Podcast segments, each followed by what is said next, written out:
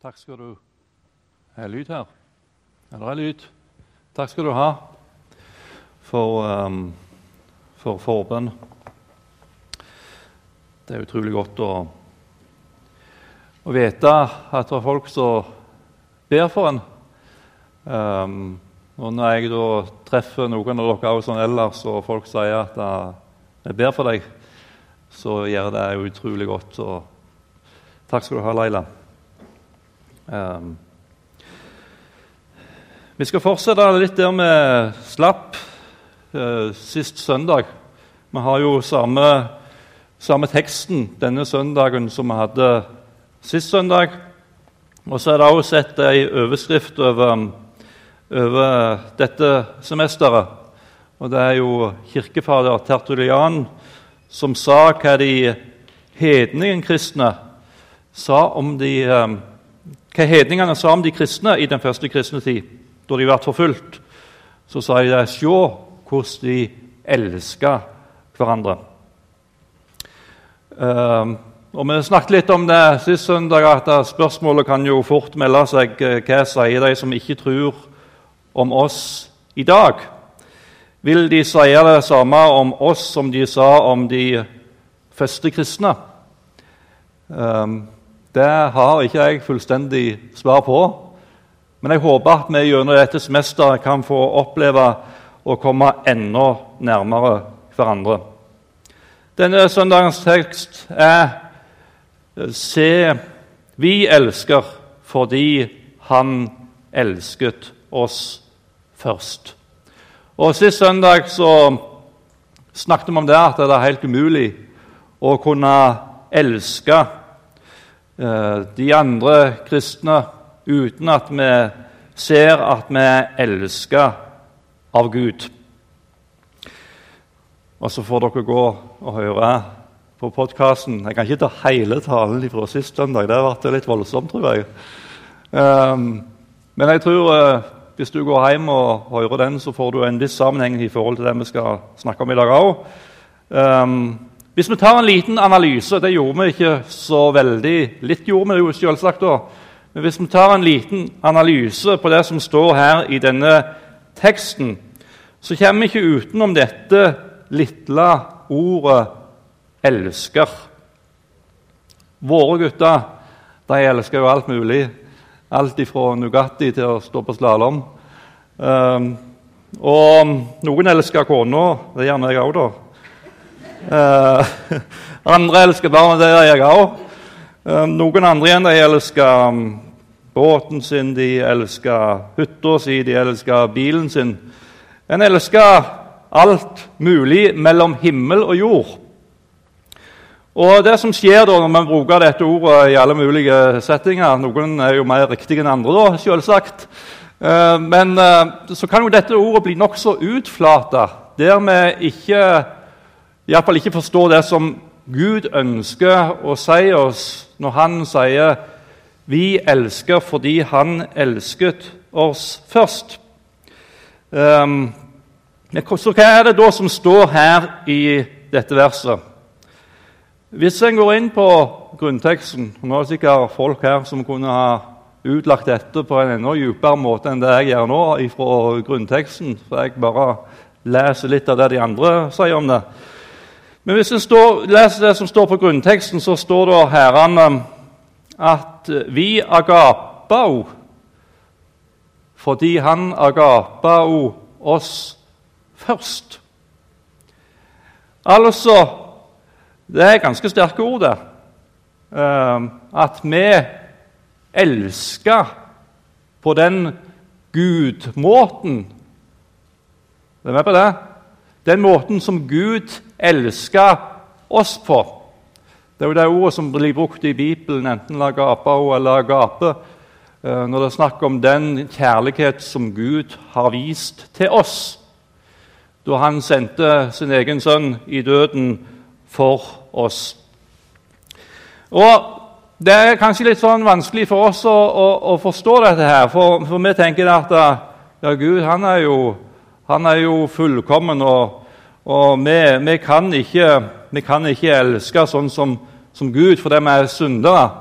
Men det er jo det som står her, at vi elsker faktisk på samme måten som Gud har elska oss på. For i vår tradisjon så er ofte vitnesbyrda prega av at jeg er en så stor synder, og jeg er ikke i stand til å gjøre noen som helst godt. Og Når jeg leser dette ordet, og når jeg leser andre ord i uh, Bibelen om hvilket liv vi er kommet inn i, så stiller jeg meg spørsmål ved om en slik tanke, at vi ikke kan gjøre noe som helst godt, holder mål. jeg skal bare ta noen andre ord med før vi går videre i denne teksten. her. Når Jesus sier i Johannes 20, 21, så sier han igjen sa han til dem, 'Fred være med dere.' Som Far har sendt meg, sender jeg dere. Altså på samme måten som Gud sendte Jesus til jord, så har han sendt oss ut i denne verden. Og i Johannes 15, vers 16.: Dere har ikke utvalgt meg, men jeg har utvalgt dere og satt dere til å gå ut og bære frukt, en frukt som varer. Og Hvis ikke det som står her, skal ha noe som helst av godhet i seg, at vi kan gjøre noe som helst godt, så fatter ikke jeg bedre, som vi sier på Jæren. Men, men, det sier oss noe om at ifra det livet som Gud har skapt i oss, så er det en frukt som vokser ut til andre mennesker, så andre mennesker kan få lov til å se hvem Jesus er. Og igjen Efeserbrevet 2, vers 10.: For vi er Hans verk, skapt i Kristus Jesus, til gode gjerninger som Gud på forhånd har lagt ferdige for at vi skulle vandre i den. Og i Titus 2, vers 14.: For Kristus ga seg selv for oss for å løse oss ut fra all urett og rense oss, så vi kan være Hans eget folk, som med iver gjør gode gjerninger. Så tanken om at vi ikke kan gjøre noe som helst godt Jeg tror ikke at jeg kan gjøre noe godt som kan slå i bordet med og si Gud, nå må du slippe meg inn i himmelen for det jeg har gjort. Når jeg tenker på hva som skal slippe meg inn i himmelen, så er det kun én ting som gjelder, og det er Jesus og det han har gjort. Men når det gjelder mitt liv her nede på jorda, så tror jeg faktisk, ut ifra de bibelverser som jeg bare har nevnt her, og mange andre, så vitner de om at ifra våre liv så skal det få lov til å strømme noe ut som er gode gjerninger til andre mennesker. Jeg skal ikke si mer om disse ordene, men jeg vil bare ha dem med. For Gud har lagt noe nytt ned i oss som, um, som ønsker det Gud ønsker. Det er skapt et nytt liv i oss som er en vilje som vil det Gud vil. Og så kan vi snakke om uh, gamle Adam som ikke vil det Gud vil. Uh, han får du aldri skikk på. Men det er et nytt liv som er skapt inn i deg, som vil det som Gud vil. Um, og her er det utrolig mye å snakke om. For du er altså ikke født inn i et liv der du har liksom fått uh, frelsen på baklomma di. Og så er det en slags forsikring som du har. Og så er det kun det som kristenlivet dreier seg om. Nei, du er kalt inn i et liv der Jesus får lov til å vokse på en sånn måte at han tyter ut gjennom deg til andre mennesker. Så tilbake igjen til teksten. Vi elsker fordi han elsket oss først. Dette verset det er satt inn i en sammenheng der det er snakk om vår kjærlighet til våre søsken, om det er å elske våre søsken, så er det dette ordet som eh, dette verset, det dette, i den sammenhengen dette verset er satt inn i. Så da er det i høyeste grad aktuelt å anvende dette inn i hvordan vi har det som et kristent fellesskap. Og så en ting til. Eh, det er ikke noen sånn Nå står her Vi agape fordi han agape oss først. Så tenker jeg Det er ikke noen sånn B-variant av Guds kjærlighet som kommer ut av våre liv. Henger du med? Det er ikke noen sånn B-variant av Guds kjærlighet som kommer ut fra vår liv. Det er originalutgaven. Det er originalutgaven som eh, skal få lov til å komme uttrykk i vår liv, i vår omgang med andre kristne. Og Jeg har lyst i uh, de uh, siste minuttene som vi skal ha i lag her nå, til å ta et lite dukk ned i hva denne kjærligheten er for noe.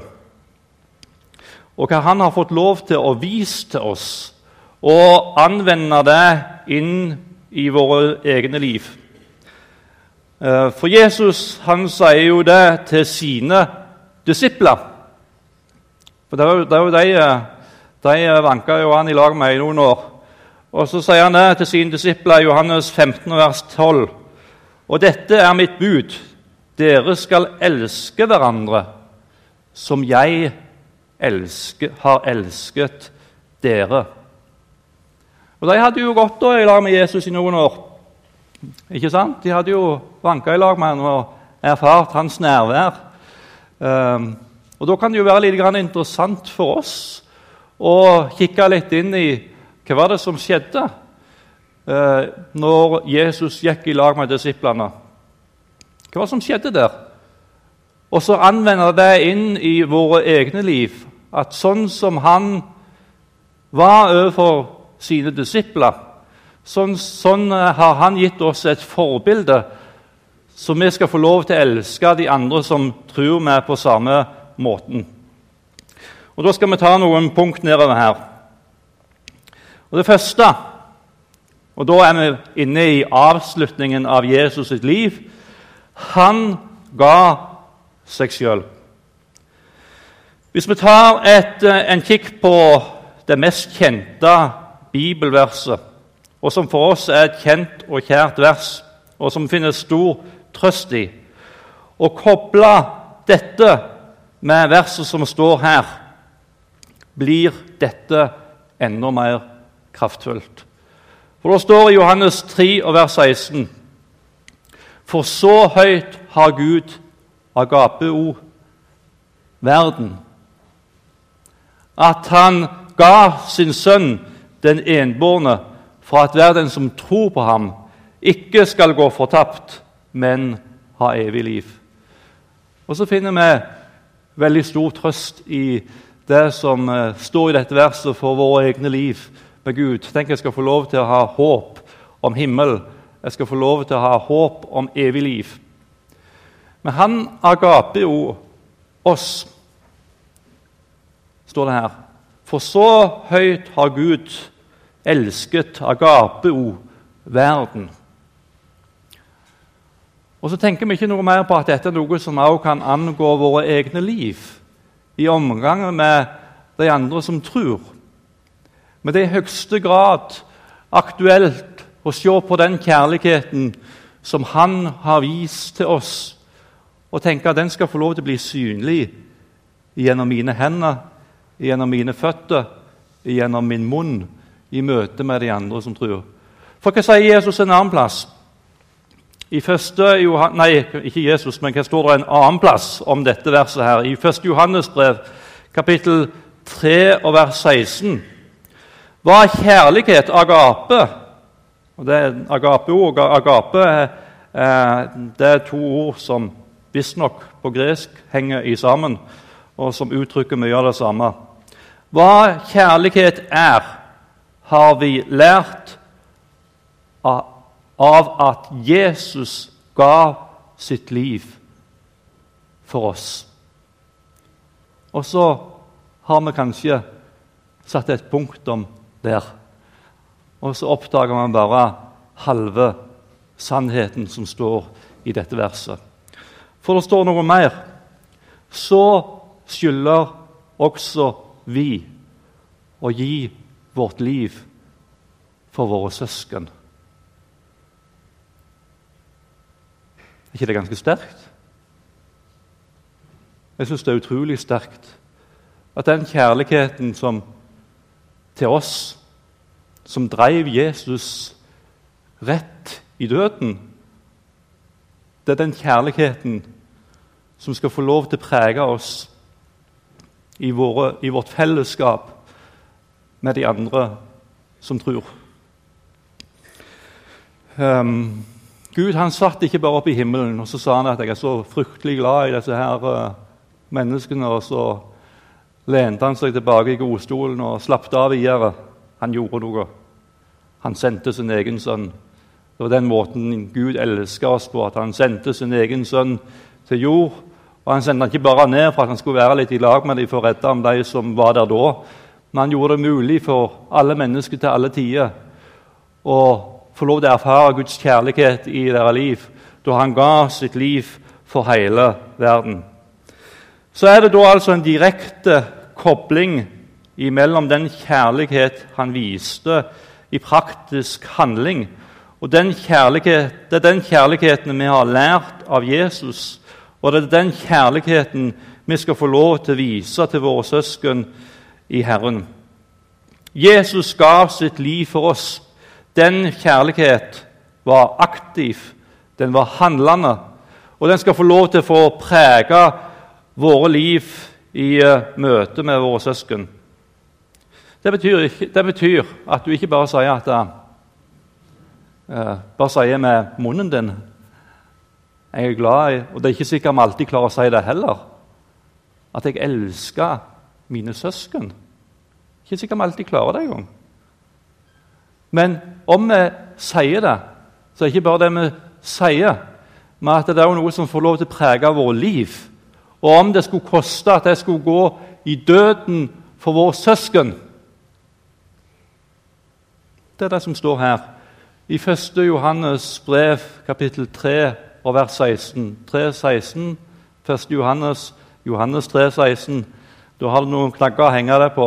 Det er en kobling mellom den kjærlighet som Gud har vist oss, og den kjærlighet som skal få lov til å prege oss i omgang med våre søsken.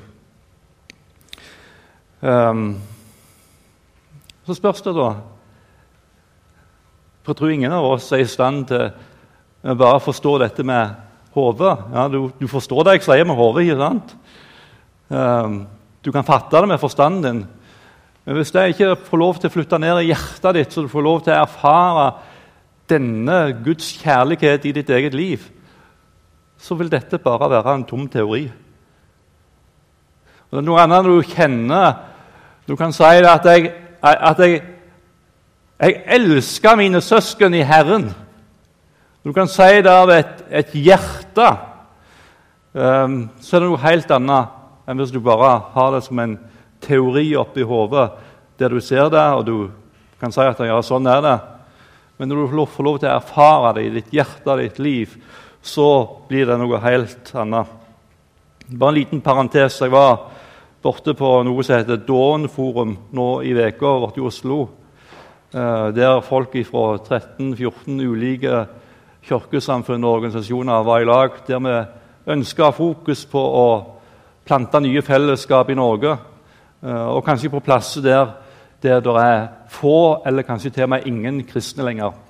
Å få lov til å være der, og så, og så ser jeg bare så ser jeg bare rundt på alle disse folka, så vet jeg at jeg, eh, hvis jeg hadde gått og prata med dem om inngående teologiske spørsmål, så hadde vi hatt en heftig diskusjon. Eh, men så ser jeg rundt på dem, og så kjenner jeg i mitt hjerte at dette er mitt folk. At jeg elsker dem. Og så er det ikke bare knytta til Og så ser jeg på dere her i dag, så kikket jeg på noen før her i møtet. Jeg skal ikke si hvem, men så, eh, men så tenkte jeg på så tenkte jeg på dem og så tenkte jeg, jeg elsker dere. Og det er, ikke, det er ikke noe som jeg har produsert sjøl, eller at jeg er så fryktelig from. Men, men, men det, jeg tror det er Gud som får lov til å virke i mitt hjerte i mitt liv. At han får lov til å fylle seg meg med den kjærlighet som han har til meg, og at den òg får lov til å gi seg utslag i, i livet mitt. Men nå må vi putte litt videre her, um, hvis vi skal bli ferdige her. Um, I Jesus sitt følge så var det rom for uferdige mennesker. Uferdige mennesker. Jesus kalte noen uferdige mennesker inn i fellesskapet med seg. De fikk være der, de fikk gå noen steg i sammen med Jesus, der de fikk lære av han. Um, og når de begynte Jesus sitt følge, så kom de inn i et, uh, et rom som var fullt av nåde. Jeg vet ikke om du har registrert det når du ser på hva var det som prega Jesus når han gikk i lag med disse disiplene. Det var prega av nåde. Og Så lærte disiplene noe om hvem Jesus var, og hva han ønsket å være for dem. Og sånn har Gud òg elska meg. Sånn har Gud òg elska meg. Jeg, jeg, tror, uten at jeg skal være veldig høy på pæra, så tror jeg det er en viss forskjell på Jeg får spørre kona mi, da. Er hun her? Hun er her en plass, sikkert. Er du ikke her? Jo, der bak er du. Jeg, jeg tror, Du får spørre henne etterpå da, om dette stemmer, som jeg sier. da. Jeg, jeg, tror det er en viss forskjell på hvem Glenn var for 20 år siden, og hvem Glenn er i dag. Uh, nå er jeg på ingen måte Jeg kjenner meg selv og kona òg kjenner meg veldig godt, så jeg er på ingen måte en helgen. Uh, hun trodde jo at hun, når hun begynte å tenke på meg at det var en helgen men så hang opp på veggen der, men det var jo langt ifra tilfellet. Jeg datt fort ned ifra veggen. Um, jeg tror det skjedde en positiv endring i livet mitt i løpet av disse 20 åra. Der jeg har fått lov til å lære Jesus enda bedre å kjenne. Og På den reisen der så har jeg fått oppleve mye nåde ifra Jesus. Der har jeg fått lov til å være i et rom fullt av nåde. Eh, jeg har, vært, jeg har ligget nede for telling noen ganger. Men hva er det jeg har opplevd? At selv om jeg var en, en uferdig, en uferdig, et uferdig menneske, så, så, har jeg fått lov til å være i lag med Jesus. Så har jeg fått lov til å være i lag med han. Um, og Det skal også få lov til å prege oss i møte med andre kristne. Det vi har fått lov til å erfart, det vi har fått lov til å oppleve i møte med Jesus. Jeg har fått lov til å leve i lag med han. Jeg har fått lov til å være uferdig. Uh, vi elsker fordi han elsker oss først. At vi ikke forventer at mennesket skal ha en viss standard for å være en del av fellesskapet. Eller at når de kommer inn, så skal vi fikse på dem. Vi skal fikse på dem, ikke sant? Vi skal forandre på dem. Det er det vi veldig fort kan tenke. At når mennesker kommer inn i fellesskapet, så skal vi forandre på dem. Jeg tror når en kommer inn i et fellesskap som er prega av nåde, så forandrer nåden mennesket. Um, og Jeg tror vi skal få lov til å veilede og hjelpe hverandre. Men det er forskjell på å veilede, hjelpe hverandre, vise hverandre nåde, enn at en skal fikse på dem. En skal få dem til å passe inn i et system. Um, vi skal få lov til å være preget av Jesus i møte med våre medmennesker. Uh, det står i Romerbrevet kapittel 15 vers 7.: Ta derfor imot hverandre, slik Kristus har tatt imot dere til Guds ære. Sånn skal vi få lov til å ta imot hverandre, sånn som jeg ble tatt imot av Jesus. Um, og I Romerbrevet 15, vers 14 så står det mine søsken det er ganske sterkt det han sier om disse kristne som var i Rom. Mine søsken, jeg for min del er overbevist om at dere er fullt av godhet. Dere er fullt av godhet og har kunnskap nok, slik at dere også kan rettlede hverandre. Vet du hva, Hvis vi skal kunne rettlede hverandre på den måten som, som Jesus ønsker at vi skal rettlede hverandre på, så tror jeg det er en forutsetning at vi er fullt av godhet. At vi er fullt av godhet, og at vi lever i nær kontakt med Jesus, så at han får lov til å prege våre hjerter og våre liv på en sånn måte at godheten kommer ut til de andre som en er i fellesskap med. Uh, nå har jeg kommet til det siste punktet, så skal jeg prøve å lande det etter hvert. I Jesus sitt følge, og dette skal vi komme tilbake til til en annen søndag, så dette, nå får du bare en liten smakebit på det. I Jesus sitt følge så var det rom for de som bomma på målet. Det var rom for dem. Um, hva hvis noen uh, Hvis vi tenker inn i vår setting Hva hvis noen gjør en alvorlig feil i våre øyne? Jeg tenker at alle synder er alvorlige, men vi graderer litt, ikke sant? Så er det noen vi kaller for mer alvorlige feil. Hva gjør vi da? Hva hvis noen um, um, F.eks. utroskap Eller hvis vi møtte noen som hadde vært litt hard på flaska. Um, eller hvis noen ble avslørt i å snyte på skatten. Og så kunne en fortsatt denne lista i det uendelige. Du kan sikkert, hvis du tenker deg litt om, eh, henge noen eh, faktisk noen personer på noen knagger som i denne forsamlinga har gjort i våre øyne alvorlige feil i sin liv. Hva er det vi gjør da? Eh, når folk har sånne åpenbare fall som andre mennesker ser, hva gjør vi da? Hva er det fellesskapet Hvordan reagerer, hvordan reagerer fellesskapet? Hvordan reagerer fellesskapet? Hva er det vi har erfart med Jesus i våre egne liv? Hvordan erfarte disiplene Jesus i sine egne liv? Når de gjorde noen åpenbare feilgrep som eh, var synlige for all verden, hvordan var fellesskapet i lag med Jesus da? Uh, jeg tenker på Peter. Det er kanskje han som veldig fort kommer opp i tankene våre òg.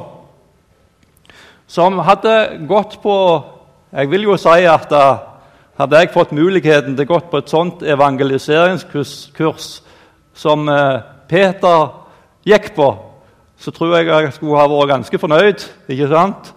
Han fikk jo muligheten til å gå i lag med Jesus i tre år. Tenk å ha gått med Jesus i tre år. Og Hva var det inngangen? Hva var inngangsspørsmålet som Jesus ga? Jo, han sa det. 'Følg meg, så skal jeg gjøre dere til menneskefiskere.' Ja vel. Så får jeg begynne å følge Jesus, og så skal jeg bli menneskefisker. Så begynte han å dingle i lag med Jesus, og gikk det disse tre åra. Og så får han liksom så skal han opp til den store eksamen. Ikke sant? Nå skal han opp til den store eksamen. Og så blir han kasta ut i det. Kjenner du Jesus? Bare sånn enkelt spørsmål. Han skulle, ikke, han skulle ikke ut og, han skulle ikke ut og evangelisere på gatene, liksom være aktiv. Han bare fikk et spørsmål. Eh, kjenner du Jesus? Nei, jeg kjenner ikke han i det hele tatt. Tre år på evangeliseringskurs i lag med Jesus. Og så klarer han ikke engang å si at han kjenner Jesus. Det var Peter sin situasjon. Han tråkka så alvorlig ut i salaten som kanskje ikke noen Ja, ja, jeg skal ikke si det, da, men vi har vel tråkka i salaten noen av hver noen gang. Men tenk, tenk du hvordan, var det med, hvordan var det med fellesskap i lag med Jesus da? Hva var det, hva var det Jesus gjorde da? Um, jeg må finne ut hva jeg har skrevet her. Viste Jesus han ryggen? Unngikk han han? Nei, jeg, ikke, jeg, jeg, vet ikke om jeg kan snakke med Peter nå. Det har jo gått så fryktelig galt for han. Vi må se litt hvordan dette utvikler seg. Um, viste han han ryggen? Snakka han ikke til han? Nei, han, han gikk til han. Og så spurte han han noen enkle spørsmål. Noen enkle spørsmål. Um, elsker du meg mer enn disse? Elsker du meg? Har du meg kjær? Jesus gikk til Peter, og så snakket han direkte til ham. Og Peter han svarer du, 'Jesus, du, du vet alt om meg.' 'Du vet at jeg har deg kjær.' Vet du hva? Hva er det jeg ser her? Anna? Jo, jeg ser et fellesskap i lag med Jesus der fokus ikke var å henge folk i galgen. Um, eller sette de i gapestokken. Og heller ikke et fellesskap der de unngikk de som hadde tråkka skikkelig i salaten, men der de faktisk snakket direkte til dem. Og det er Jesus egentlig spør om. Hva tenker du om meg nå? Hva tenker du om Jesus nå? Trenger du, trenger du fellesskap i lag med meg nå?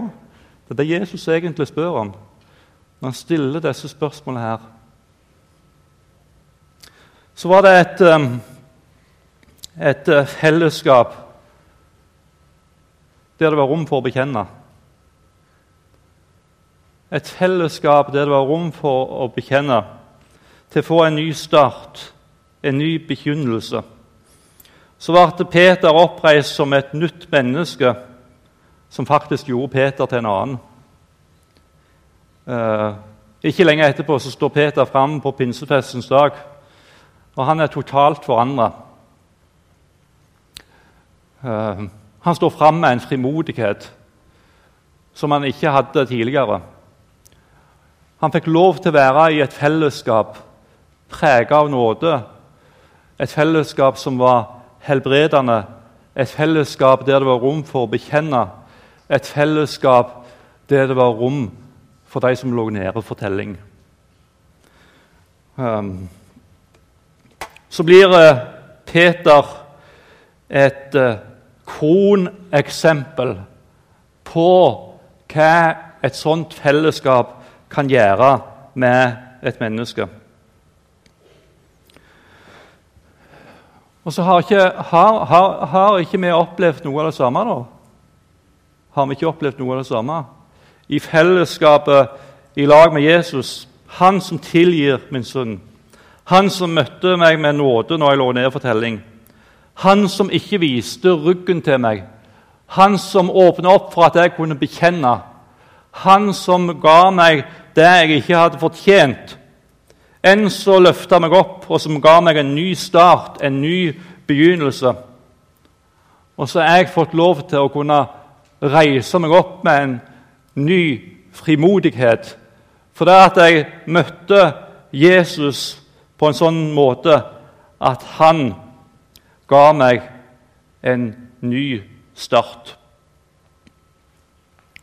Så jeg bare har lyst, før vi går videre her i avslutninga um, For jeg tror, det jeg tror det er en sånn djup, djup sammenheng mellom det du erfarer av Jesus i ditt eget liv, og det som preger deg i møte med de andre som tror. Jeg tror det er en dyp, dyp sammenheng. Og Nå sier jeg ikke dette for å slå deg i hodet. Um, for det kan nemlig være at noen sitter og de har faktisk ikke denne erfaringen av Jesus i sitt eget liv. For, for, det kan jo være at kristenlivet ditt er preget av noe helt annet. Du går rundt med en konstant dårlig samvittighet for at du ikke strekker til i livet ditt sammen med Jesus.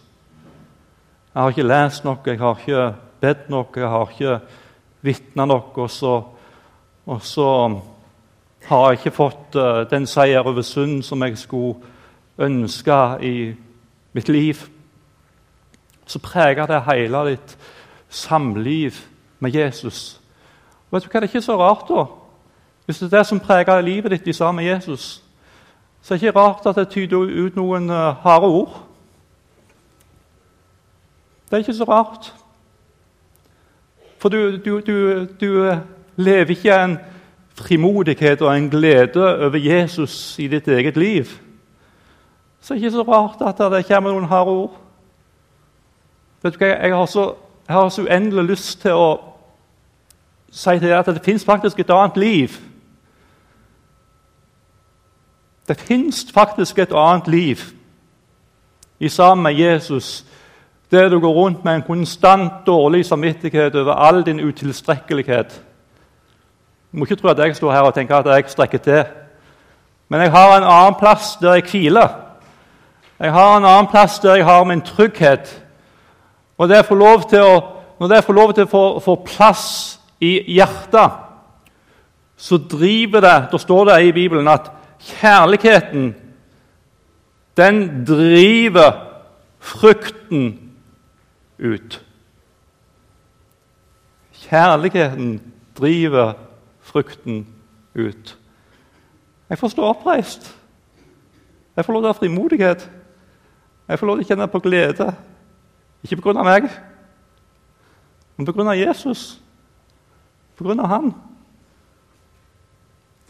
Vi elsker fordi han elsket oss først. Um, vis aldri noen ryggen som ligger nede for telling. Vis aldri ryggen til dem. Gå og snakk med dem. Gå og snakk med dem. La det, for, la det være rom for bekjennelse. La det være rom for oppreisning. La det være rom for en ny start. La fellesskapet være helbredende.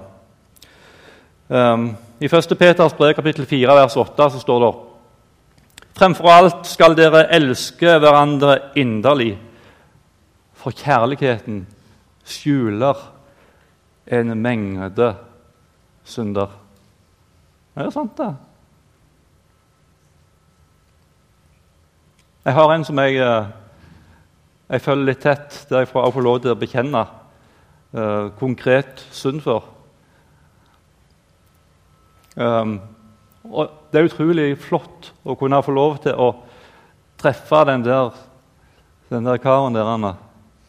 Ikke med et skamfullt blikk, fordi han vet uh, mer om meg enn de fleste. Men får lov til å møte ham med et oppreist hode. Hvorfor? Fordi vi er i et fellesskap som er preget av nåde. Til slutt Det er utrolig mye mer vi kunne ha sagt her. Um,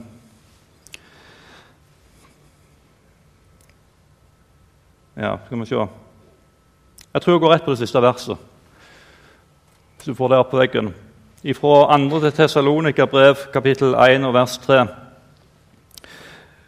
Vi må alltid takke Gud for dere søsken, som rett er. For troen deres vokser stadig sterkere. ikke det flott? Det er en flott attest å få. Og så ser du tydelig sammenhengen mellom at tro og vokse og kjærligheten dere har til hverandre blir større for hver og en av dere. ikke det flott? Trua vokser og blir stadig rikere. Og samtidig så vokser kjærligheten de har til hverandre, hver og en. Du, Jeg håper at det er sånn som det kan få lov til å være i fellesskapet vårt. At trua vår den vokser. Og så ifra det indre livet der så tyter det ut til de andre som tror. Vet du hva jeg tror? Jeg tror et sånt fellesskap det er et helbredende fellesskap. Jeg syns det er trist når jeg hører eksempel på at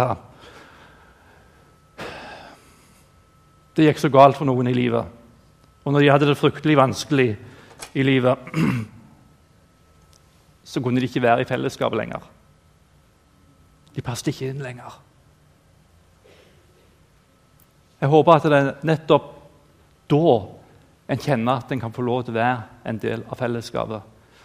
Når en ligger nede for telling, når en ikke har noe å gi. Og ut ifra den møtet fra fellesskapet da, så kan det vokse noe nytt fram i våre liv som, eh, som blir en velsignelse for andre mennesker. Og Herre Jesus, jeg har lyst til å takke deg for din godhet. Jeg har lyst til å takke deg for den godheten du har vist til meg, Herre Jesus. Takk for at jeg får lov til å kjenne deg. Takk for at jeg får lov til å eie deg, Herre. Takk Herre, for din kjærlighet. Takk Herre, for din nåde. Takk for det jeg har fått lov til å erfart i sammen med deg, Herre. Jeg priser opp i ditt navn, Herre, for den du er. Så vet du hva, hva, hva, folk tenker nå når de sitter her og hører. Og Du vet hva som rører seg på innsida av hjerten til folk. Og her, Jesus, jeg, jeg, eh, jeg har bare ganske enkelt lyst til å be om at, eh, at du, Herre, at du, Herre, må få lov til å gjøre det verket du ønsker i våre liv.